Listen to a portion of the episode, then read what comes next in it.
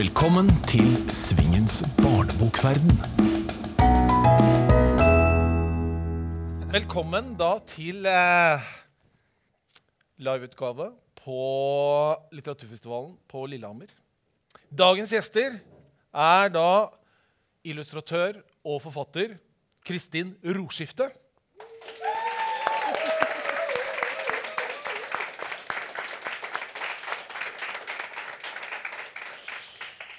Og det er forfatter Anders Totland.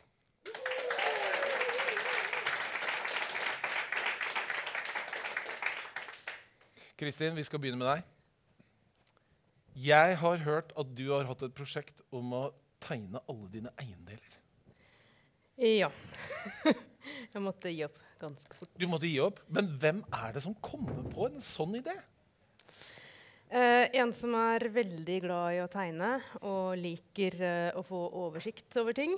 Og har litt urealistiske forventninger om eh, hva man skal få til. Men Var det sånn at du hadde flere eiendeler enn det du trodde du hadde? Ja.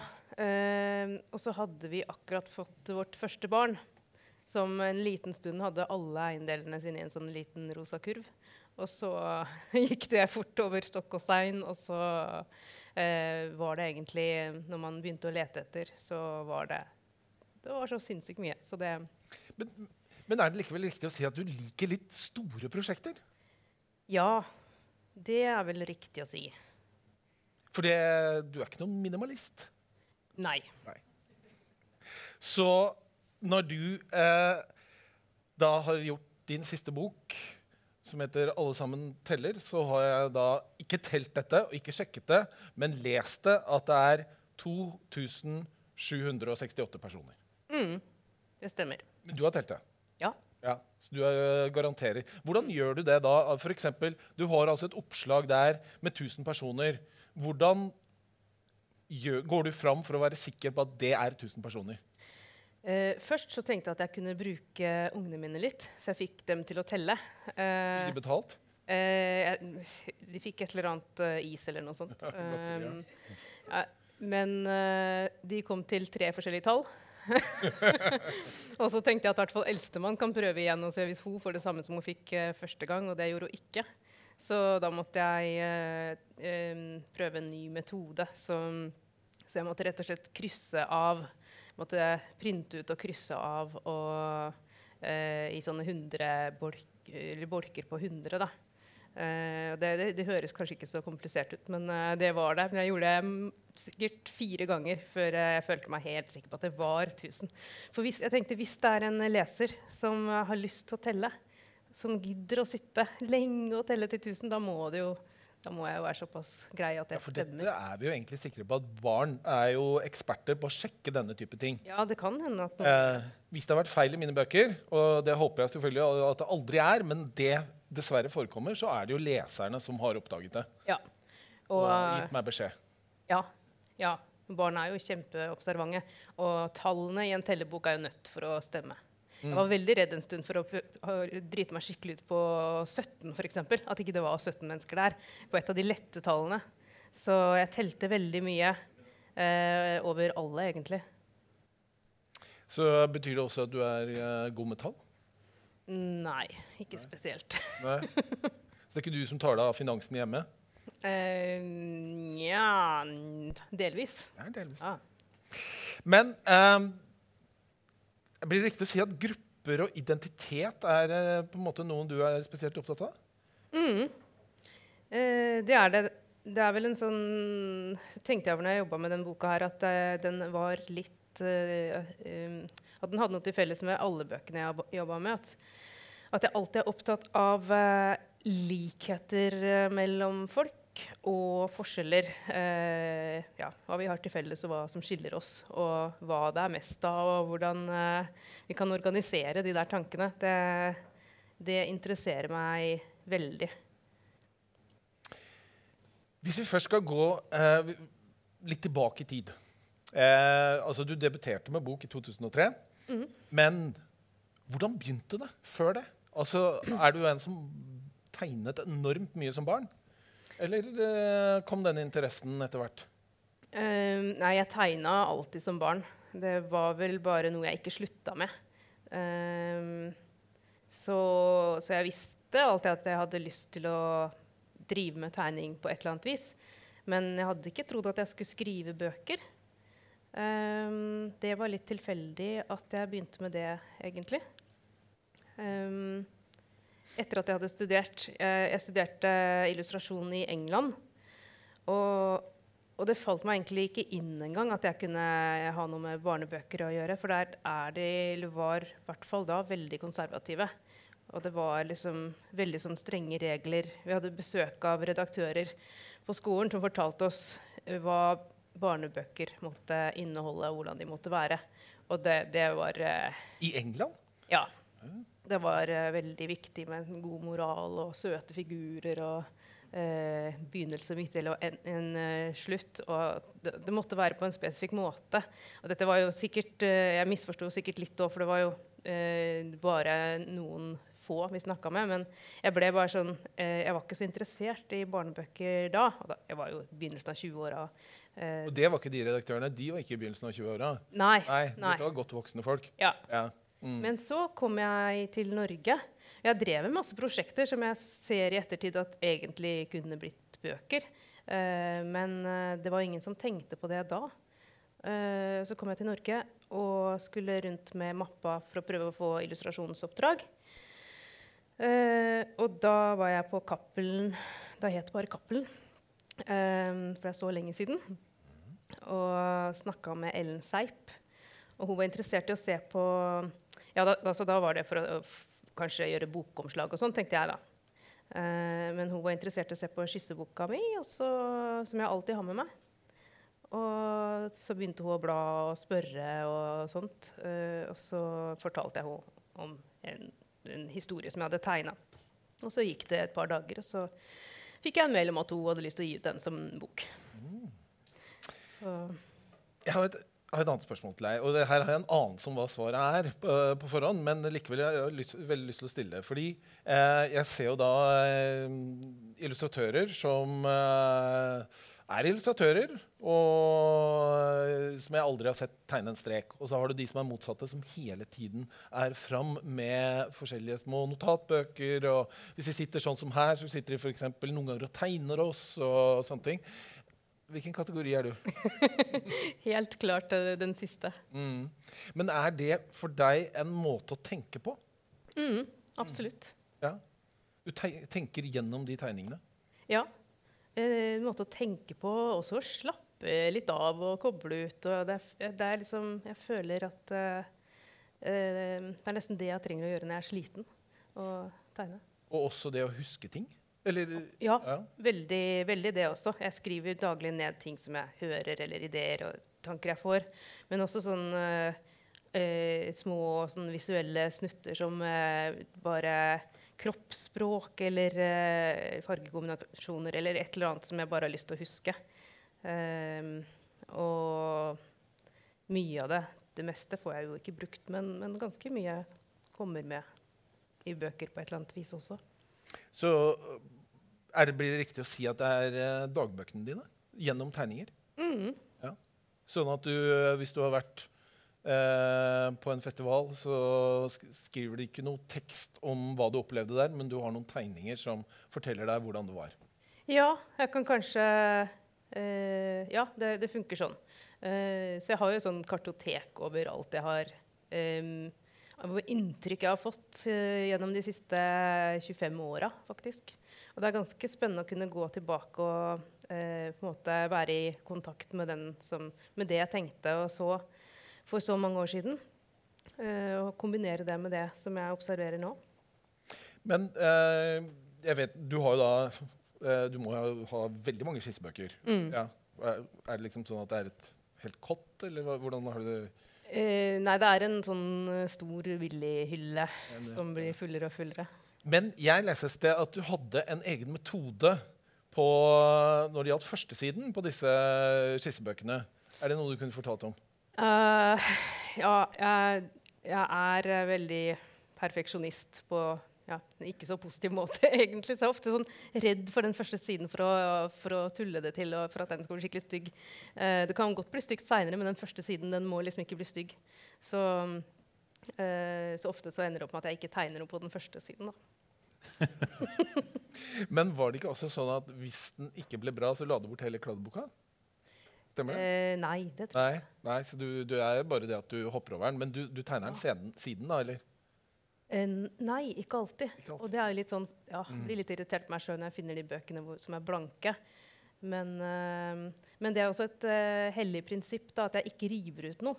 Fordi at eh, det kan nettopp være de sidene som ikke ble revet ut og kasta, som blir brukt til noe seinere. Det er fordelen med å ha skissebøker framfor å tegne og skrive på, på ark. Det er at sånne ting som virker meningsløse der og da, blir ikke kasta. Og så kan de kanskje bli til noe særlig. Jeg får jo et inntrykk av at du er uh, litt petimeter, eller i hvert fall litt nøye på ting. Uh, og, men hva er det som skal til da, for at du føler at en tegning, en illustrasjon, er vellykka? Mm. Jeg må på et eller annet vis uh, må finne en måte å ha skikkelig glede av prosessen på. Og ja, f- eh, føle at jeg gjennomførte den planen jeg hadde, på en eh, konsekvent og eh, bra måte. Tror jeg. Men det er, ikke noe, er, er det en følelse ved tegningen også, som uh, på en måte snakker til deg? Er det noe uh, Noen ganger kanskje, kan det kanskje være det. Um, Det tror jeg at det kanskje er litt vanskelig å beskrive. Ja. Du, når du ser det, så, så kjennes det riktig. ja, det er nok litt vanskelig å beskrive, men det kan i hvert fall eh, Det er i hvert fall noe med den følelsen Hvis man sliter med en illustrasjon, da blir Mm. det ikke bra. Da må man bare prøve på nytt på en annen måte, eller eh, eh, Ja, det må liksom se ut som man har hatt det gøy, men det er jo litt som jeg eh, jobber med en setning, og noen ganger så bare sitter den. Mm. Vet ikke helt hvordan jeg klarte å komme dit, men da sitter den. Mm. Eh, og det er en veldig god følelse. Ja. Mm. Sånn kan det være, så klart. Og det gjør mye med For min del gjør det mye med min egen stemning den dagen. faktisk, Mm. Når jeg klarer å føle og mer enn én setning til da, som, som uh, lykkes med, men kanskje et avsnitt eller en uh, passasje eller et eller annet sånt som jeg virkelig føler sitter. Er det litt sånn? Ja. Sånn at eh, nå er mor uh, hyggelig i dag, for det har klart å få til uh, en tegning. Det føles jo som det har vært en bra dag på jobben hvis jeg er fornøyd med det jeg har gjort. Og, Mm. også, og gjerne sånn at, at jeg gleder meg til å fortsette neste dag. Mm. Da kan jeg ta kvelden. Men apropos dette med familieforhold. Dere har jo da en liten bedrift Mm. som kalles Magikon. Mm. Så hvor du og mannen din, Svein, eh, dere driver forlaget sammen. Det er Svein som driver forlaget. Vi eier det sammen. Ja. Så, eh, Du er bare opptatt av penga. Men eh, blir, det liksom, blir, blir litt riktig å si at du er en slags eh, Jeg har jo lært meg dette ordet indie-forfatter. Fordi du Ja. utgir jo på et eget forlag. da. ja. Mm. Og hvordan er det? Er da mannen din også din redaktør? ja, det er han jo. Oi. Hvordan går dette? Ehm, ja, det var noen som spurte meg en gang om liksom, Men tør han å si fra ordentlig, liksom? Eh, det er ikke noe problem. Jeg tror vi har heftigere diskusjoner om eh, bokprosesser enn eh, de fleste har med redaktørene sine. Eh, men men eh, hvis, eh, hvis han eh, eh, lurer på eller har noen innvendinger på det som jeg gjør, så vi har heldigvis ganske lik smak, så da, da vet jeg liksom at eh, Men er ikke det litt farlig, da? Har lik smak? Burde ikke jo, det det ja, kan, jo, det kan det jo være. ja. Men jeg vet at hvis, han, hvis, han, eh, hvis det er noe som skurrer for han, selv om jeg skulle ønske at det ikke var sånn, og tenker at å, nå jeg skulle ønske jeg var ferdig med den illustrasjonen, så veit jeg egentlig at da da burde jeg kanskje tenke litt på det. Og, og noen ganger så, så kanskje det jeg absolutt ikke er enig, i, og da får vi snakke om hvorfor jeg ikke er enig, og så er det en del av prosessen, det også. Så blir vi mer bevisst på hvorfor noe funker eller ikke. Men det går ikke utover forholdet? Eh, nei, det har gått greit så langt. Og Se bort på Svein, han sitter i publikum Jeg tør ikke å si noe annet nå. Det er sånn så lett ut nå. Ja. Men nå eh, skjer det jo mye med den, den eh, siste boka di. Og du har jo da tidligere illustrert en del for andre. Blir det aktuelt framover? Eh, ja. Eh, det er begrensa hva jeg har av tid til det. Men det er ikke noe som jeg tenker at jeg ikke skal. Det kommer an på hvilke prosjekter som dukker opp, og eh, ja, om jeg føler at jeg kan få det til.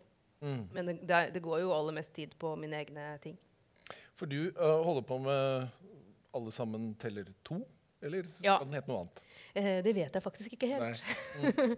Men jeg holder på med neste bok i det som jeg håper skal bli en serie. Mm. Og da er det, må du igjen ut og telle, for da skal det være riktig antall på de Mm. forskjellige sidene. Ja. Mm.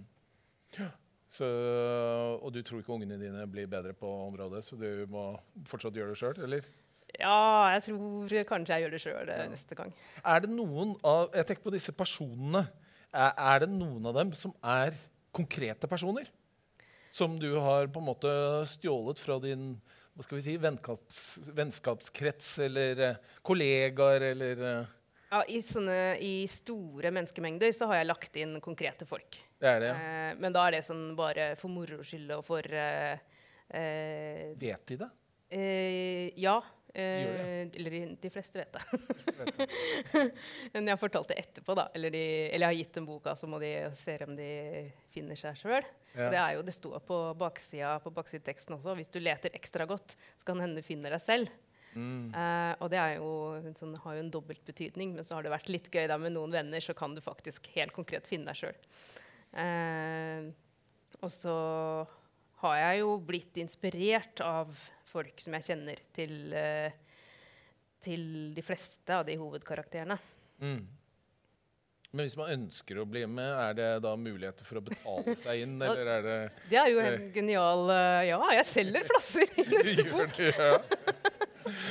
ja. Men du har jo opplevd eh, mye i det siste. Mm. Det er jo selvfølgelig derfor jeg nå har store forventninger til uh, din anekdote, som jeg har bedt deg om å forberede. uh, ja um, Det blir kanskje en litt rotete anekdote, fordi at jeg drev og tenkte veldig på hva jeg skulle si. Og så, akkurat mens jeg tenkte på det, så fikk jeg en melding. Og så tenkte jeg at da, da skal jeg la skjebnen avgjøre. Da er det, det, er det dette her sånn som blir anekdoten. For da fikk jeg eh, eh, altså Bare en liten digresjon først. Eh, siden Alt sammen teller har blitt oversatt til mange språk, så har jeg fått utrolig mye Selv om det ikke går an å reise nå, så får jeg en del henvendelser fra folk rundt omkring. Det føles litt som å reise likevel. Bli kjent med folk likevel. Eh, og noen av de henvendelsene er eh, rarere enn andre. Eh, og den meldinga jeg fikk, det var fra en vokalist i et belgisk punkeband. Og han eh, sa at han eh, lurte på om det virkelig var sånn at jeg hadde tegna inn At det var en fyr i boka mi som, som hadde en sånn eh, band-T-skjorte med bandnavnet deres på. Eh, for det, i den nederlandske versjonen så hadde, hadde han det, da. Eh, og så tenkte jeg at eh, jeg, må, jeg er jo helt prisgitt eh, oversetterne. Eh, jeg, an, jeg aner ikke. Kanskje det er en oversetter som har hatt det litt moro? Eller uh, uh, Jeg veit ikke, så jeg spurte han hva, hva betyr bandnavnet deres.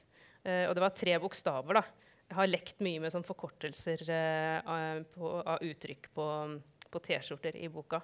Um, så det var, det en sånn jente, en sånn fjortisgjeng, som har T-skjorter som det står sånn OMG på uh, ILY Eller jeg, jeg husker ikke helt faktisk hvilke jeg brukte, men sånne kule forkortelser. da, Og så er det en sånn fyr som jeg skal vise at han er, han er en eh, revisor. For det har uh, å gjøre med en historie. Uh, så på hans T-skjorte så står det MVA. Um, og det Jeg tenkte jo ikke på oversettelser da jeg lagde den boka. Uh, det er jo ikke alle som skjønner den humoren. uh, og det er jo ikke alle land det passer med. Men, men uh, jeg spurte han hva betyr bandnavnet ditt, og så sa han at det betydde merverdiavgift, da, eller VAT. oi, for et kult bandnavn.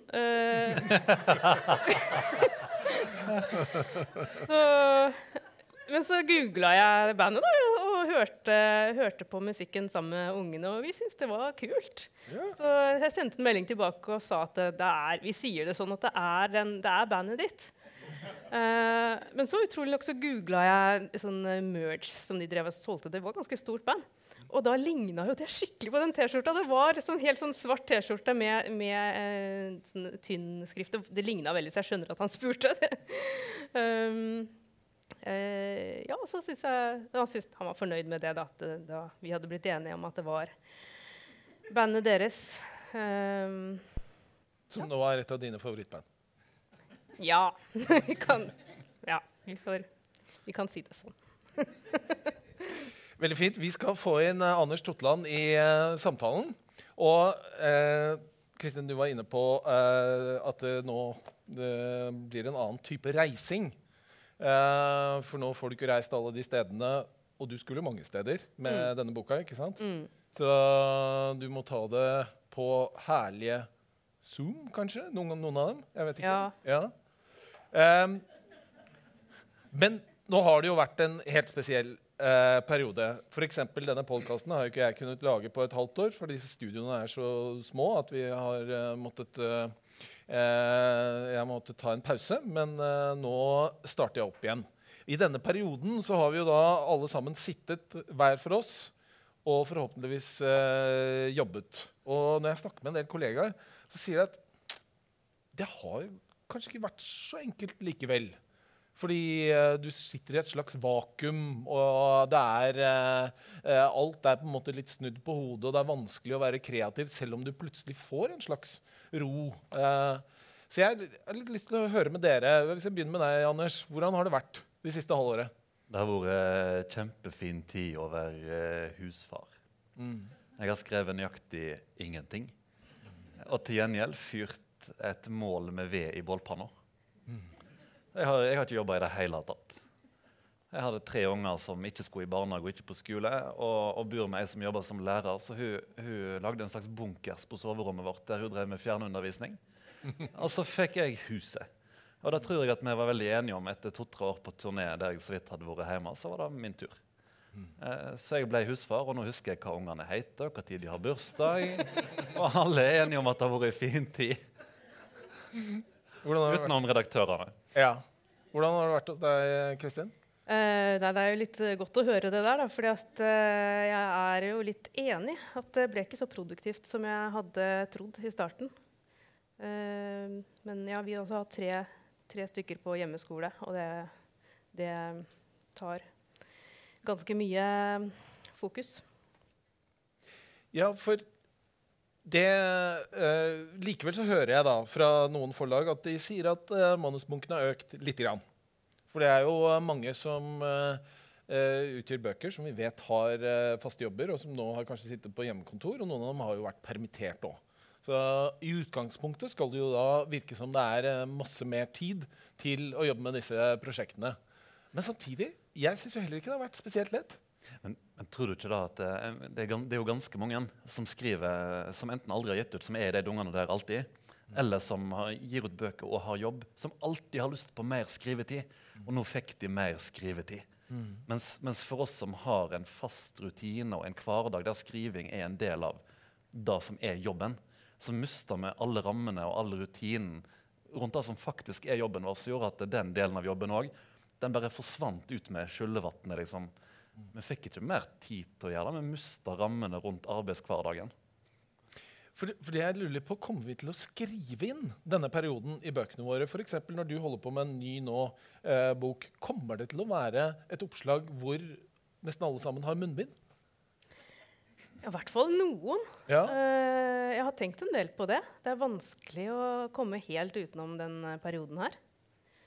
Uh, og den neste boka mi handler også litt om reising. Så det, det føles jo helt annerledes nå. Ja, for da, Hvis det blir en sånn flyplass som du hadde, så, så blir den ganske tom? Så da må det være sånn tre stykker på det oppdraget? Ja. Eller folk tenker jo helt, eh, får helt andre assosiasjoner til en flyplass nå, antageligvis. Men jeg, jeg vet ikke hvor lenge det vil vare i bevisstheten til folk. eh. For dette er jo en av utfordringene. Og kanskje hvis vi tar deg, Anders, som skriver eh, La oss si en ungdomsroman, da. Ja. Eh, jeg syns jo at et av problemene med å skrive inn dette i en historie, er at nå, der vi er nå, så vet vi ikke hvordan dette ender. Og når boka vår kommer ut, så kommer noe til å forandre seg. Vi vet ikke hva. Jeg, syns det er kjempevanskelig. For eh, jeg kommer ikke til å skrive det inn i noe skjønnlitterært. Men jeg holder på med en sakprosabok som handler om pest og plage. Liksom. Så jeg skriver helt konkret om det som foregår nå. Men jeg jobber også med ungdomsromanen som skal ut neste år. og Den handler jo om ungdommer som har seg i biler og er på fest. og Jeg får ikke noe én meters avstand jeg på dem, for da er det faktisk ingen scener igjen i hele boka. Men, men, jeg, men jeg tenker jo at eh, kanskje, når jeg skal begynne på nytt manus neste år, eh, så kan en ikke lenger ta for gitt at eh, folk hilser på hverandre på samme måte. For hvis hverdagen til de som er 13 år, og er 11 år nå, er 13 år da, er at håndhilsing Da husker de faktisk ikke. Så må vi ta inn over oss at eh, hverdagen er annerledes. Det altså, vi skriver jo ikke om Commodore 64 heller. Nei. Men jeg skriver bøker som om korona aldri har eksistert. Per i dag. Men tror du at du gjør det om to år? Det vet jeg ikke. Ingen anelse. Nei. Men jeg har bedt dere om eh, noe viktig. Jeg har bedt dere om et spørsmål til hverandre. Og Kristin, skal vi begynne med ditt spørsmål til Anders? Eh, ja. Jeg eh, lurte på Du har jo eh, gjort flere bøker som andre har illustrert. Og det er jeg alltid så fryktelig nysgjerrig på. Hvordan det føles, og om du tenker visuelt når du jobber, og, og hvordan det eventuelt er. Om den eh, verden du får presentert da, er annerledes enn det du har sett for deg. Åssen er det å jobbe med illustratører? Det er helt grusomt. Og helt nydelig. Eh, for jeg har, jeg, har en, eh, jeg, har fast jeg har et fast reaksjonsmønster når jeg får tilsendt illustrasjoner og framside eh, omslagsdesign. For jeg får, jeg får det tilsendt, og så tenker jeg Nei, pokker, skal det se sånn ut? Eh, og så tenker jeg at dette, dette her funker jo ikke i det hele tatt. Og så har jeg bare lært meg at jeg skal la det gå en dag, og så skal jeg kikke på det en gang til tenke på hva bok har du skrevet, hva kan de ha tenkt, det som har gjort dette her. Og så ser jeg på det og så tenker jeg at ja, det er kanskje, det er kanskje inne på noe. Og så lar jeg det gå en dag til, og da har jeg uten unntak til nå vært veldig fornøyd den andre dagen. Så jeg ventet til da, og da må jeg legge tilbake igjen. eh, Kjør på, jeg kan ingenting om bildet, dette er dere veldig flinke på. Men, men, men det er en veldig fin ting med det. Eh, For sånn som eh, En ting er jo hvordan bøkene ser ut når du får de, de som bare er skjønnlitterære romaner. Men de, de sakprosabøkene jeg har gitt ut som er illustrerte bøker, det er ganske stor illustrasjonsgrad. Der har eh, Christian Krogh Sørensen og Martin Ernsen, som har illustrert de tre bøkene, de må gjøre ganske masse research, for det er historisk sakprosa. Og jeg, jeg, jeg, jeg jobber på en lettvint måte. Jeg har lyst til å bli ferdig med mest mulig hele tida. Så når det er ting som dukker opp i historien av faktiske ting som ikke jeg finner ut av, da dropper jeg det. Ja, en, altså, jeg, går, jeg går rundt, jeg går omvei, jeg bare lar være å bli spesifikk. Og så gjør illustratøren research og får det inn i tegningene i stedet for på historisk korrekt vis. Og da tenker jeg at eh, mm, det er vår bok. Det er ikke de som har illustrert min bok. Dette er, jeg har gitt dem en tekst, og de har gjort det til noe helt annet enn det jeg skrev. Løfta til en slags sånn høyere enhet. Da. da blir jeg kjempeglad. Men har du en eh, visuell forestilling av det du jobber med mens du jobber? Nei. Jeg ser bokstaver i Word-dokument. Ja, men altså uttrykksmessig? Nei, jeg har ikke det. Og, og i det Word-dokumentet så har jeg litt sånn sperrer som, som du har med den blanke første sida notatblokka. For jeg klarer ikke å åpne et Word-dokument og begynne å skrive. Så jeg har alltid på første sida så skriver jeg med store bokstaver tittel. Så tar jeg to eh, nedrykk, liksom, og så skriver jeg 'Av Anders Totland'. og så går jeg til side to, og så skriver jeg med tjukke bokstaver 'Kapittel 1'. Og så begynner jeg å skrive. Før da så får jeg ikke til å skrive noen ting. Men jeg ser ikke for meg noe i det hele tatt. Nei? Nærmest jeg kommer, er liksom at jeg ser for meg et landskap som ligner på der jeg bor. Alltid. Anders, da tar vi eh, ditt spørsmål til Kristin. Ja. Nå har vi, jo, vi har jo vært sittet her nå og hørt på liksom en, en slags ellevill suksesshistorie med ei myldrebukk som på en måte både er da og er mye mer. Og, og du har jo laga bøker veldig lenge. Men jeg lurer på en, en sånn internasjonal megasuksess. Når du har hatt den nå, blir det veldig mye vanskeligere? For det er jo en del forventninger, vil jeg tro. og sånn da. Er det, er det mye vanskeligere å jobbe med ny bok? Gir det typ motivasjon, eller er det mer sperra? Uh, det er litt av begge deler, altså. Det um, Ja. Uh, føler meg litt stressa på det. Men det er jo samtidig utrolig motiverende, at, uh, og det er mest motiverende, at jeg har fått så mye tilbakemeldinger fra folk over hele verden. At jeg likte den første. men jeg blir jo redd for at jeg ikke skal like den andre. Det føles litt som om jeg jobber med bok nummer to nå.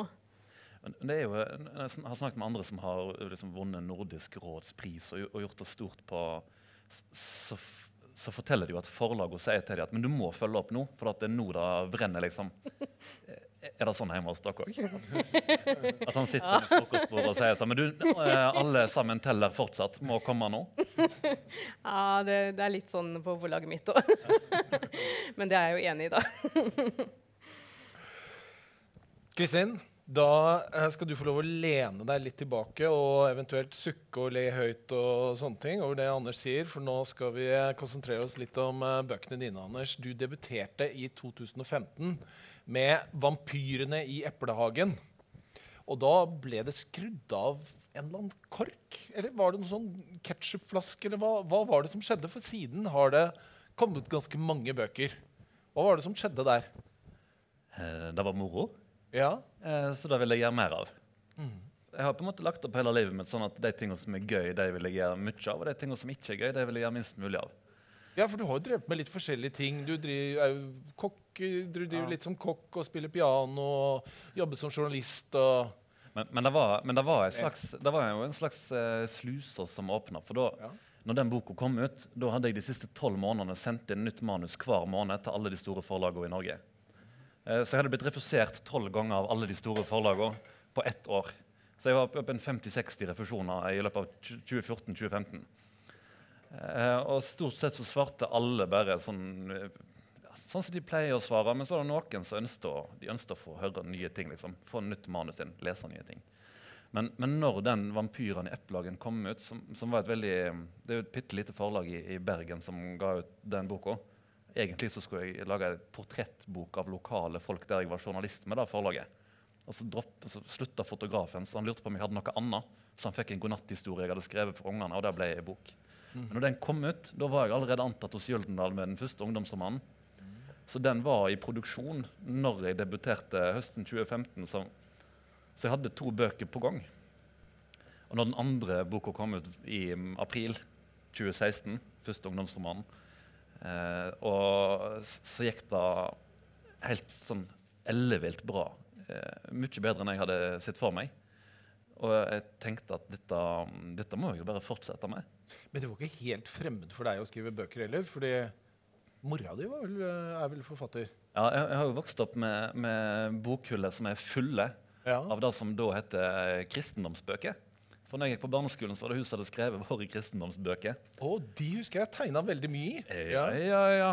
Eh, nå tenker du at vi gikk på barneskolen samtidig, du? Nei. Nei. Eh, og eh, hun holdt ikke på så lenge siden. Nei, det gjorde hun ikke. Nei. Nei. For Men, De eh, kristendomsbøkene likte jeg veldig godt, for der var det alltid sånn derre Se, sånn blir det når du blir narkoman. Ja, jeg, tror, jeg, jeg, tror, ikke, jeg tror ikke det var helt Kristen, derimot, var, det var helt andre bilder. Jeg tror ikke det var helt hennes stil, men det, det men, det, men det, det gjorde, var at jeg vokste opp med at når jeg gikk opp i trappa, så så jeg liksom 100 bøker bortover, for jeg hadde jo et slags restopplag eller noe sånt, der det sto mitt etternavn på alle bøkene. Ja. Så jeg tenkte at dette, dette går jo da faktisk an å gjøre. Kjøpte seg datamaskin i 1990, liksom. Det var helt uh, det var, det var en slags normalitet hjemme hos oss. Men samtidig så kom jeg jo fra en plass der det kryr av forfattere. Jeg gikk på helsesenteret, og da, da kom det inn liksom en som jeg har lest om i avisene, springende inn med mor si, for han skulle til legen og begynte å jobbe i avis. og Der satt en forfatter i kontoret attmed meg. Og. Men, men, du har jo jobbet som journalist. Har, har, dere noen gang forsket i hvorfor det finnes så enormt mange Sunnhordalandsforfattere? Ja, det er jo noen som har prøvd liksom, å gruble litt. og sånn. Det nærmeste en kom et godt svar, syns jeg, det er at det kommer mange forfattere fra Sunnhordland For da det kommer mange forfattere fra Sunnhordland. Ja. For, for det, er, det er et poeng da, at når jeg satt på redaksjonslokalet til, til Sunnhordland, som avisa òg heter, og i kontoret under meg sitter Atle Hansen, som har gitt ut barnebøker de siste 20 åra, og romaner for voksne, for så vidt. Så kunne jeg, ut, Uten at uh, det, skal være noe fornærmelse, så tenkte jeg men det må jo jeg òg kunne gjøre. For det er jo sånn en driver med. Uh, og så møter jeg folk på gata liksom, det, som jeg vet at det er forfattere. Og kommer det en Brageprisvinner inn på lokalbutikken. og tenker de, Dette her er jo helt vanlige folk. De er ikke, de er ikke superhelter i det hele tatt. Ja, Det var ikke meninga å si. Men de er men jeg tenker, det, der må jo, det må jo gå an å gjøre det der. Men, men likevel, altså, du, du jobbet jo litt som journalist. Og det, eh, inkludert meg, så er det en del forfattere som har på en måte gått litt den veien. Hvorfor begynte du da som skrivende journalist? Hadde det, har det noen som helst sammenheng med at du ble forfatter eh, siden? Absolutt. Ja. Det er jo, eh, dette her har jeg sett masse diskusjoner om, og jeg er helt overbevist på at når du betaler noen eh, full lønn for å leve av å skrive, så blir de bedre til å skrive. Folk som blir bedre av å skrive, de har en mye bedre forutsetning for å skrive andre ting. Hvis jeg skulle ha fortsatt som kokk når jeg var 22, det var omtrent da jeg slutta og begynte som journalist, og hadde jobba som kokk til jeg var 28, så hadde jeg jo aldri i verden skrevet de bøkene som jeg har skrevet nå. For da, skriving var ikke en del av min hverdag da på den samme måten. Men etter å ha jobba i åtte år som journalist og bare skrive hele tida, og funnet ut at det er gøy å skrive på forskjellige måter Og når hun jeg bodde med da Jeg bor for så vidt med henne òg, altså. Men når, når, hun, når hun spurte om ikke vi skulle skrive en noen godnatthistorie til ungene, eh, og så sa jeg ja, det var en god idé, og så droppa jeg hun, og så gjorde jeg det sjøl. Som var på en måte kimen til denne forfatterskapen. Men, men samtidig så sier du jo at det er disse tingene som har gjort at du skriver det du skriver, og du nevner litt godnatthistorier og sånn. Men de ungdomsbøkene dine, Ja, jeg leser ikke de til ungene mine. de, de handler jo om uh, skal vi si, en uh, god del, for ikke å si ganske mange, alvorlige temaer. Ja, absolutt. Ja. Hvor kommer det materialet fra? Da, da jeg klarer ikke helt å sette fingeren på det sjøl. Altså, for det er gang etter gang så prøver jeg å skrive morsomt. Eh, og Det kan godt være litt sånn så, såre undertoner, litt melankolsk, sånn, men jeg vil skrive spennende og morsomt. Og jeg får det ikke til. Altså, det blir kjempedårlig. Jeg blir fortsatt refusert hver gang jeg prøver å skrive noe morsomt. Så ender jeg opp med at jeg har litt igjen av en tekst eller kanskje en stemning eller noe jeg kan jobbe litt videre med. Ender det opp med et seksuelt overgrep eller en unge som dør, da, eller en utpressingshistorie som ender i et selvmord. Det er, ikke, det er jo ikke løye i det hele tatt. Så ler de liksom i salen. Men det virker jo som om eh, eh, Hvis du ikke har gjort det før, så, så prøver du deg. For du har jo da skrevet eh, Ja, hva blir det? Sakprosa, kokebok, eh, barnebøker, ungdomsbøker, voksenroman. Eh, har du skrevet kristendomsbok? Nei, Nei, jeg har ikke- nei, ikke skrevet kristendomsbok. Nei, du har, du har spredt deg litt. Men er du sånn ellers i livet også? Det er sånn uh, fallskjermhopping. Det har jeg ikke prøvd. Ja, jeg prøver det i morgen. Uh, ja. Ja.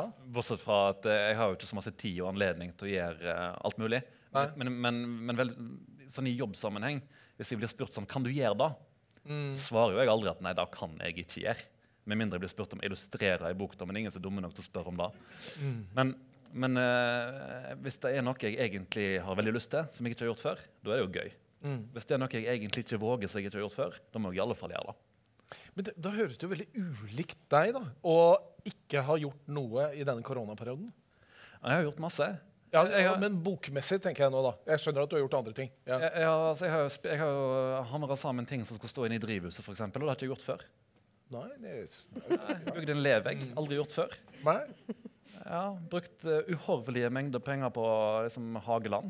Det, jo, det har jeg gjort før. Så, så livet ditt tok en litt annen retning, bare bortsett fra at du gjorde like mye som før. Ja, og, og det er ikke helt sant at jeg skrev ingenting. For i Nei. påskeferien da var det jo ikke skole. Så da sto jeg opp uh, før de andre og, og skrev ferdig førsteutkastet til en dokumentar som kommer neste år. Men når du holder på med så mye forskjellige ting, hva er det som trigger på deg med et bok bokprosjekt? Hva er det som setter i gang? Hva er det som skal til? Nei, jeg må kjenne at jeg får det til. Ja. Og, og den jeg, jeg, jeg tror jeg er aller mest dreven av mestringsfølelse. Og den er det lettest å kjenne, kjenne med ting en ikke har fått til før. Sant? Å få til roman for første gang er veldig tilfredsstillende. Få til roman for andre gang det er tilfredsstillende på den måten at du skjønner at dette kan jeg drive på med. Få til roman for tredje gang er mer sånn ja, dette er jobben min, da må jeg fortsette med. Men å da få til bildebok, f.eks. Eh, tekst til bildebok som jeg hadde hatt lyst til lenge, det var akkurat like tilfredsstillende så det var å få til den første romanen. Eh, og så er det, det er alle de små alle de små øyeblikkene i skrivehverdagen der jeg kjenner at det, dette her, som jeg trodde var helt umulig i går, det fikk jeg til i dag. Og det er jo ikke sånn at i alle mulige jobber så kan du, du komme til ting der du føler at du kommer aldri til å klare det. Og så springer jeg en tur på fjellet og tenker litt og går ned igjen, og, så, og så løser det seg. liksom. Men, men, når du sier det, så tenker jeg at uh, du kommer til å få til det humorprosjektet ditt en dag. For du kommer ikke til å gi deg. Det har du helt rett i. Mm -hmm. Altså, Jeg vet ikke om du har rett i at jeg får det til, men jeg kommer iallfall ikke til å gi meg. Nei. Jeg sender så masse eh, ikke-morsomme humormanus. ja. Men du ler av det sjøl?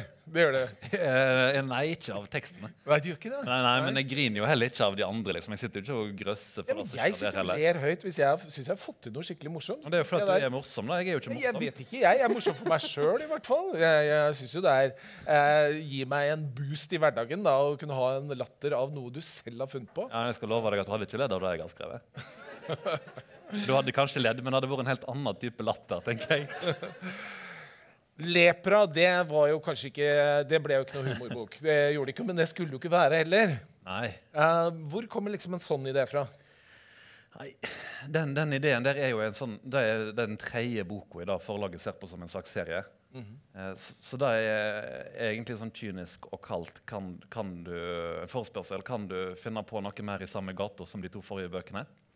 Og så solgte jeg egentlig inn at jeg ville skrive en bok om de ulike epidemiene og pestene og sånt som har rammet verden. Og så ville forlaget egentlig bare ha en bok om lepra. Eh, så den begynte jeg på i, i, 2018. Og når den ble lansert i april 2020, så skulle jeg ønske jeg hadde skrevet en bok om alle pandemiene og epidemiene. Så den, den jobber jeg med nå, da. Ja. Men uh, det er veldig rart å jobbe i to år med en bok som handler om isolasjon og karantene og et helt land som er livredde for smitte. Planlegger kjempestor lanseringsfest. Og når den kommer, så må du avlyse for at alle er livredde for isolasjon og karantene. og at folk skal bli smittet, liksom. Så ble plutselig eh, Her driver jeg og skriver sånn gammel kurio, kuriøse historie, tenker jeg. Og så blir det dagsaktuelt. Men du holder jo ikke bare på med bøker. Du uh, sprer deg litt i uh, skal vi si, moderne medier. Du har f.eks. en serie som heter Faktisk frokost. Fortell oss hva det er. Ja, det, er en, eh, det, er en, serie med sånn sju-åtte minutter lange snutter. Det, det, er egentlig en sånn eh, gi litt tilbake til samfunnet-greie. Altså, jeg fant på når alt ble avlyst i vår, og vi fikk betalt for alle oppdrag. Altså, jeg hadde jo hele våren full av oppdrag, og det var kun ett av de som ikke betalte honorar. sånn jeg, jeg ble jo betalt husfar, og nesten alt er offentlige penger. Jeg, jeg følte meg så teit som var hjemme. Det var greit at jeg holdt jula i gang i familien, så læreren jeg bor med, kunne gjøre en nyttig jobb, men jeg bare fikk penger. Og jeg fikk ikke lov å jobbe. Det likte jeg ikke. Så jeg sa til oppdragsgiverne mine at nå lager jeg en sju, åtte, ni episoder her der jeg lager formidlingsopplegg for uh, unger og ungdom med utgangspunkt i, i mine sakprosabøker, men òg andre ting som er fra samme tidsepoke, med dramatiske ting. Heksebrenning og tortur og dødsstraff og alt som er, er gøy. Ja, og Så lagde jeg det ute i hagen med en sånn enkel produksjon med mobiltelefonen min og kamera og lighter og tennvæsker og hageredskaper som jeg kunne demonstrere litt torturering og sånn med. Så brukte jeg ungene mine som statister, for skolen var stengt. Så jeg, jeg, satte, jeg heiv f.eks. sønnen min på sjøen som sånn heks og satte fyr på dokkene til jentene. Ja, Dette er jo den våren hvor jeg angrer på at jeg ikke påtok meg veldig veldig lange turneer. For da ville jeg også fått eh, betalt for å være hjemme. Jeg tok noen i siste liten, og det er jeg fryktelig glad for. ja, Men eh, du er jo en som reiser veldig mye nå, eh, i, når forholdene tilsier det. Og det er jo ikke alle forfattere som uh, er så bekvemme med å presentere bøkene sine, særlig ikke i starten.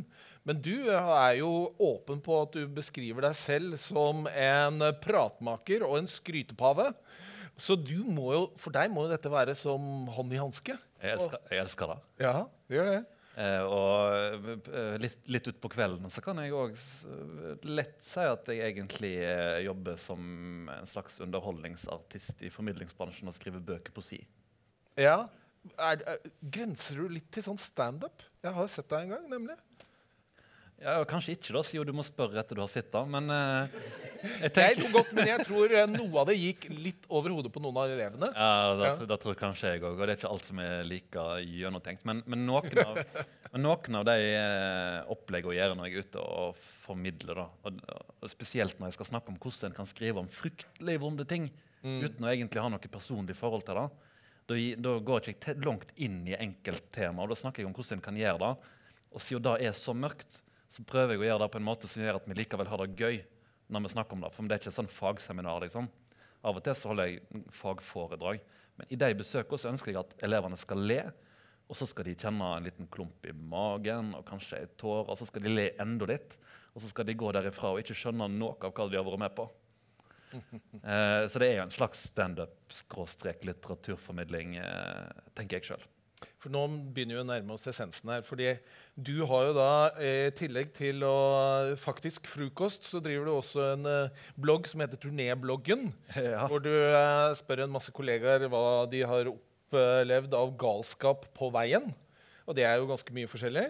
Ja, men det, det, er ikke alltid de løgneste folka som forteller de løgnehistoriene Nei, der. De er ikke skuffa, av og til, altså.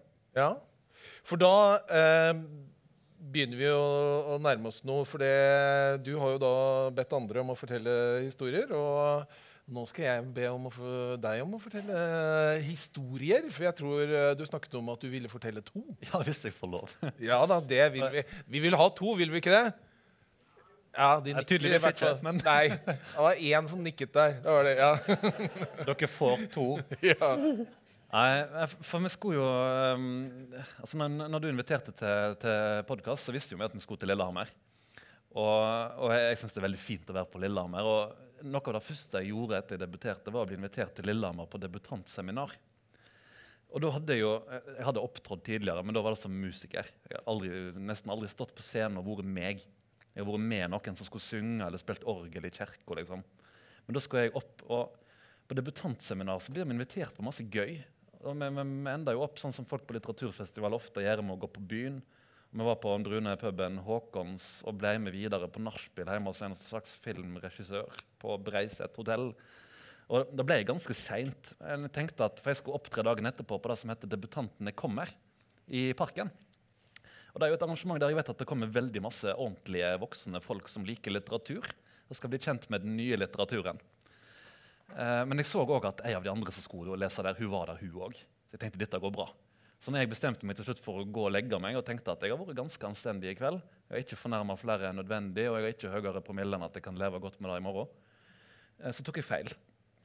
Så når, jeg, så når jeg våkna neste morgen, to timer før jeg skulle på scenen, så var jeg dårligere enn jeg noensinne har vært tidligere. Jeg var jo på debutantseminar, som betyr at du bor på Nansen-skolen, som er her på Lillehammer. Det er en internatskole med dobbeltrom og felles dusj. Eh, og jeg gikk og satte meg i fellesdusjen. Du skal være rimelig lavt nede altså for å sette deg i en fellesdusj, for der er det mye greier du kan få på tærne. Ja. Så jeg satte meg i den fellesdusjen i nesten en halvtime med kaldt vann rennende. For jeg tenkte jeg må bare komme meg. Jeg får betalt for dette. her. Uh, folk kommer til å, å være der. På ekte, ekte mennesker, liksom. Uh, og det hjalp ikke i det hele tatt. Så jeg kledde på meg, og så gikk jeg rundt omkring i Lillehammer, og jeg kjente at jeg, jeg skjelver så masse. Jeg, nå. Jeg, jeg kan ikke forstå det, for det var ikke så drøy kveld kvelden før. Liksom. Men jeg skjelver på hele kroppen. Eh, og jeg kan ikke stå på scenen, for det er ikke greit da å stå der og skjelve. Liksom. Så oppe i denne hovedgata her i Lillehammer så fant jeg en klesbutikk. Der gikk jeg inn, og det var ikke så varmt denne mai 2017. Det var litt sånn kaldt i lufta. Så jeg gikk inn og kjøpte ei kortarma skjorte. Tok på meg den og tenkte at hvis de ser at jeg skjelver, så tror alle at jeg fryser. Eh, og, så, og så gikk jeg på det arrangementet, og når jeg kom ned i Parken kafé, så var jeg fortsatt så dårlig at jeg gikk inn og la meg på gulvet inne på toalettet. Eh, mens de andre gjorde seg klare. og så gikk jeg ut akkurat når vi skulle begynne. Da, da kom Birger Emanuelsen, som var jo en helt ekte forfatter som skulle introdusere oss. Han introduserte først den ene forfatteren, og jeg satt der og tenkte dette, det kommer ikke, det kommer ikke til å gå. Det er helt grusomt, dette her. Folk kommer til å høre om det for alltid. At han der forfatteren som kommer her og skal liksom vise seg fram, og så, og er han, han er fortsatt full, liksom. Eh, og, så, og så roper han eh, opp meg, og jeg kjenner at det, det skjer noe i kroppen. og Adrenalin og greier. Jeg går opp, og jeg har en følelse av at jeg, jeg klarer å levere. på et vis. Jeg står og skjelver med kortarma skjorte. Men jeg leser opp fra 'Engel i snøen', veldig sånn ned på greia. Og så går jeg ned igjen. Jeg går og kjøper meg øl inn på Parken kafé. Og setter meg der og tenker at det, det gikk sånn noenlunde. Men så kommer hun siste, som òg var på det nachspielet og ikke gikk hjem når jeg gikk hjem. Og Hun går opp på scenen, og hun er full. Hun er full helt på ekte. Og det er helt tydelig, for, for at, uh, hun legger ikke skjul på det engang. Og jeg tenker bare at det, er jo helt fiasko. Hele arrangementet her er bare en fiasko. Men, men da var jo jeg ferdig, liksom, så vi gikk jo videre. Et par dager etterpå så var det en bokblogger jeg som jobber i et av forlagene, som, som skrev om arrangementet. Og hun skrev litt sånn eh, rundt da, så skrev hun og tradisjon tru var det én full debutant til stades. Da tenkte jeg bare tusen takk. Det, det var ikke meg. Ja. Og da har du en til som skal overgå denne, da? Er det det? Ja. Nei, men, for at, eh, men jeg, jeg visste jo at vi kom til å snakke litt om turnering. og sånn. Jeg besøker veldig masse skoler. Og jeg trør i salaten stadig vekk. Jeg, jeg prøver ikke på det, men eh, jeg balanserer litt sånn på kanten av hva som er greit av og til. Og så trør jeg feil. Men så er det ofte når jeg snakker med elevene, så sier jeg noe om hva jeg har jobba og sånn, og nå har jeg fått drømmejobben, for jeg skal bare være her med dere i 45 minutter, og så skal jeg aldri se noen av dere igjen. Eh, og så sitter det ei jente i åttende klasse helt bak oss som jeg kjenner veldig godt igjen. For eh, jeg, kjenner, jeg, kjenner, mor hennes, og hun var og bakte pepperkaker hos meg når hun var tre år. Jeg har aldri møtt henne igjen etter det, men vi er jo venner på Instagram og Facebook, og sånn, så jeg får jo oppdatering om livet hennes. Så står jeg der og peker på henne og så sier jeg, bortsett fra deg, da. Jeg er 14 år gammel jente som, som aldri har sett han mannen som står der framme før. Og alle rundt henne de begynner sånn Hva faen er det som skjer her nå? Hvorfor, hvorfor skal, du, skal, du, være med han der gamle, skjeggete mannen hjem? Og hun sitter og er så ubekvem gjennom hele den forestillingen. Og jeg skjønner jo ingenting, for det går jo ikke opp for meg. Jeg bare, Det var jo kjekt å lage pepperkaker, liksom. Og når, og når de skal gå ut, eh, så prøver jeg å si ja, det er kjekt å se deg igjen. Og hun bare snur seg og så bare piler hun rett ut. Da går det opp for meg at det, det er kanskje elleve år siden jeg møtte hun sist. Da var hun tre-fire år. Og uh, hun, hun, har kanskje ikke fulgt så mye med på min Instagram liksom, disse elleve åra. Så det første jeg gjør, er å si til læreren Um, jeg, jeg fucker dette her til. Kan dere bare gå og ordne det? Så sender jeg melding til mora og sier du kommer til å få en overraskelse når dattera di kommer hjem i dag. det gjorde hun. Bra. Og dette er jo bare toppen av isfjellet av, uh, når det gjelder uh, historier fra veien, ikke sant? Definitivt. Ja. Uh, dette var det ja. inn, innenfor det som er OK å fortelle, liksom. Ja. ja. De andre, de tar vi etterpå. Det tar vi etterpå. Tusen takk til Kristin Roskifte. Tusen takk til Anders Totland. Tusen takk til littera Lillehammer litteraturfestival. Og tusen takk til dere.